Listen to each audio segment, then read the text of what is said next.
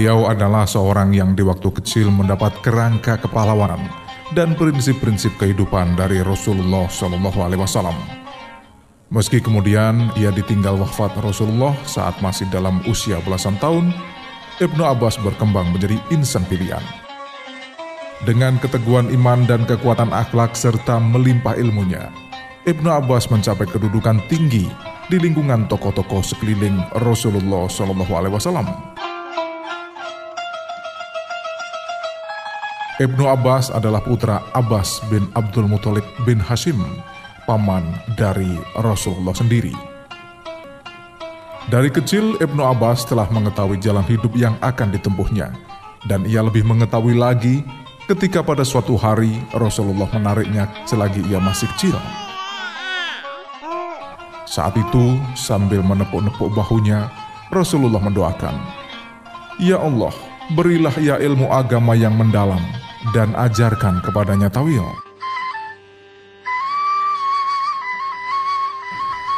Kemudian berturut-turut pula datangnya kesempatan di mana Rasulullah mengulang-ulang doa tadi. Saat itulah ia mengerti, ia diciptakan untuk ilmu dan pengetahuan. Setelah wafatnya Rasulullah, Ibnu Abbas mempelajari sungguh-sungguh dari sahabat-sahabat Rasul yang pertama, apa yang luput didengarnya dan dipelajarinya dari Rasulullah sendiri. Maka setiap terdengar olehnya seseorang yang mengetahui suatu ilmu atau menghafalkan hadis, segera ia menemui dan belajar kepadanya. Ibnu Abbas tidak saja menumpahkan perhatian terhadap pengumpulan ilmu pengetahuan semata, tapi juga untuk meneliti dan menyelidiki sumber-sumbernya dengan lidahnya yang selalu bertanya dan pikiran yang tak jemu meneliti serta kerendahan hati dan kepandaiannya bergaul, jadilah Ibnu Abbas sebagai manusia pilihan. Sahabat Sa'ad bin Abu Waqqas melukiskan seperti ini. Tak seorang pun yang kutemui lebih cepat mengerti, lebih tajam berpikir dan lebih banyak dapat menyerap ilmu dan lebih luas sifat santunya dari Ibnu Abbas.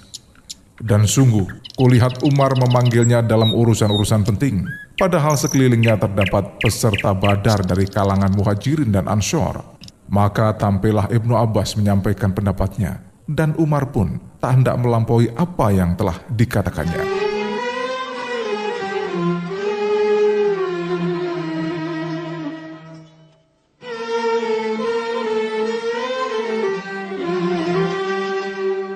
Ibnu Abbas telah lama ditakuti oleh kaum Khawarij karena logikanya yang tepat dan tajam. Pada suatu hari, ia diutus oleh Imam Ali kepada sekelompok besar dari mereka. Maka terjadilah percakapan di mana Ibnu Abbas mengarahkan pembicaraan serta menyodorkan alasan dengan cara yang sangat menakjubkan. Tanya Ibnu Abbas, hal-hal apakah yang menyebabkan tuan-tuan menaruh dendam terhadap Ali bin Abu Thalib? Mereka menjawab ada tiga hal. Pertama, dalam agama Allah, ia bertahkim kepada manusia. Padahal Allah berfirman, tak ada hukum kecuali bagi Allah. Kedua, ia berperang tapi tidak menawan pihak musuh dan tidak pula mengambil harta rampasan. Seandainya pihak lawan itu orang-orang kafir, berarti harta mereka itu halal. Sebaliknya bila mereka orang-orang beriman, maka haramlah darahnya. Dan ketiga, waktu bertahkim, ia rela meninggalkan sifat Amirul Mukminin dari dirinya demi mengabulkan tuntutan lawannya.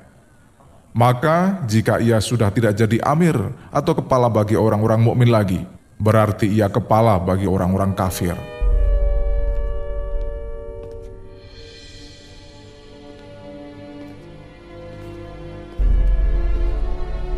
Lalu Ibnu Abbas menjawab, mengenai perkataan tuan-tuan bahwa ia bertahkim kepada manusia dalam agama Allah, apa salahnya? Bukankah Allah telah berfirman seperti dalam Al-Quran surat Al-Ma'idah ayat 95? Hai orang-orang yang beriman, janganlah kalian membunuh binatang buruan sewaktu kalian dalam ikhram. Barang siapa di antara kalian yang membunuhnya dengan sengaja, maka hendaklah ia membayar denda berupa binatang ternak yang sebanding dengan hewan yang dibunuhnya itu yang untuk menetapkannya diputuskan oleh dua orang yang adil di antara kalian sebagai hakim.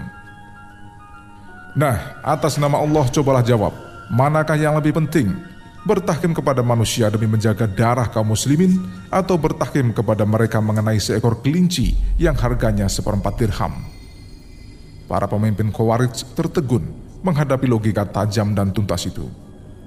Kemudian Ibnu Abbas melanjutkan bantahannya tentang ucapan tuan-tuan bahwa ia perang tapi tidak melakukan penawanan dan merebut harta rampasan Apakah tuan-tuan menghendaki agar ia mengambil Aisyah istri Rasulullah dan Umul Mukminin itu sebagai tawanan dan pakaian berkabungnya sebagai barang rampasan? Wajah orang-orang itu menjadi merah padam, lalu menutupi muka mereka dengan tangan. Sementara pada soal ketiga, Abu Abbas menjelaskan, ucapan tuan-tuan bahwa Ali bin Abu Thalib rela menanggalkan sifat Amirul Mukminin dari dirinya sampai selesainya tahim dengarlah oleh tuan-tuan apa yang dilakukan oleh Rasulullah di hari Hudaybiyah, yakni ketika ia mengimplakkan surat perjanjian yang telah tercapai antaranya dengan orang-orang Quraisy. Katanya kepada penulis, tulislah, inilah yang telah disetujui oleh Muhammad Rasulullah. Tiba-tiba utusan Quraisy menyela, Demi Allah, seandainya kami mengakuimu sebagai Rasulullah, tentu kami tidak menghalangimu ke Baitullah dan tidak pula akan memerangimu. Maka tulislah, inilah yang telah disetujui oleh Muhammad bin Abdullah. Kata Rasulullah kepada mereka, Demi Allah, sesungguhnya saya ini Rasulullah walaupun kamu tidak mengakuinya. Lalu kepada penulis surat itu juga diperintahkan, tulislah apa yang mereka kehendaki.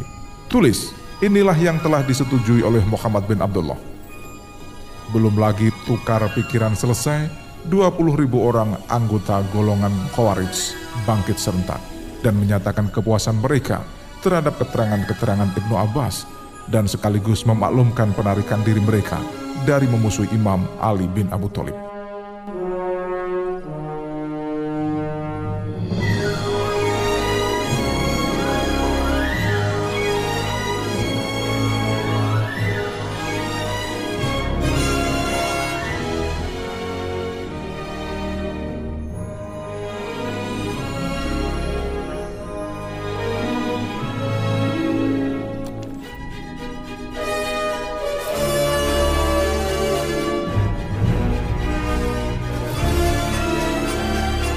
Ibnu Abbas tidak saja memiliki kekayaan besar berupa ilmu pengetahuan, tapi ia juga memiliki pula kekayaan yang lebih besar lagi, yakni etika ilmu serta akhlak para ulama.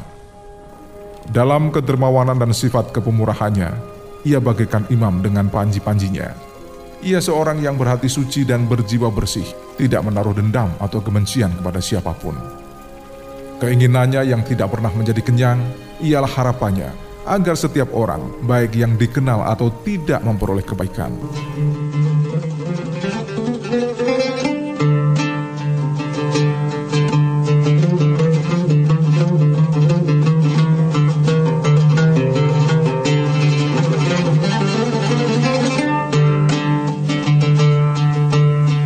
Suatu saat Abu Abbas berkata, "Setiap aku mengetahui suatu ayat dari kitabullah, Aku berharap kiranya semua manusia mengetahui seperti apa yang ku ketahui ini. Dan setiap aku mendengar seorang hakim di antara hakim-hakim Islam melaksanakan keadilan dan memutuskan suatu perkara dengan adil, maka aku akan merasa gembira dan turut mendoakannya. Padahal tidak ada hubungan perkara antara aku dengannya. Dan setiap aku mendengar turunnya hujan yang menimpa bumi kaum muslimin, aku merasa bahagia. Padahal tidak seekor pun binatang ternakku yang digembalakan di bumi tersebut. Demikian kata Ibnu Abbas perihal dirinya, yang kemudian diingat benar oleh para sahabat dan pemeluk Islam hingga saat ini. Telah terjadi sunatullah, setiap insan tidak dapat melepas diri dari ujian dan cobaan, tak terkecuali Ibnu Abbas. Dalam menikmati usia usurnya, beliau mendapat cobaan dari zat yang maha kuasa, berupa lemah pandangan kedua penglihatannya.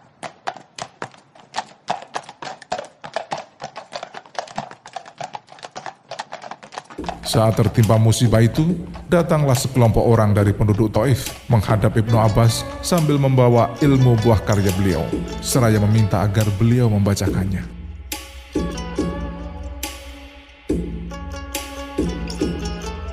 Permintaan itu menjadikan Ibnu Abbas bimbang.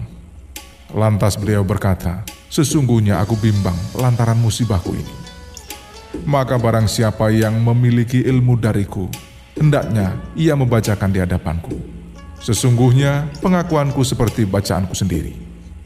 Kemudian sekelompok orang itu pun membacakan buah karya itu di hadapan beliau.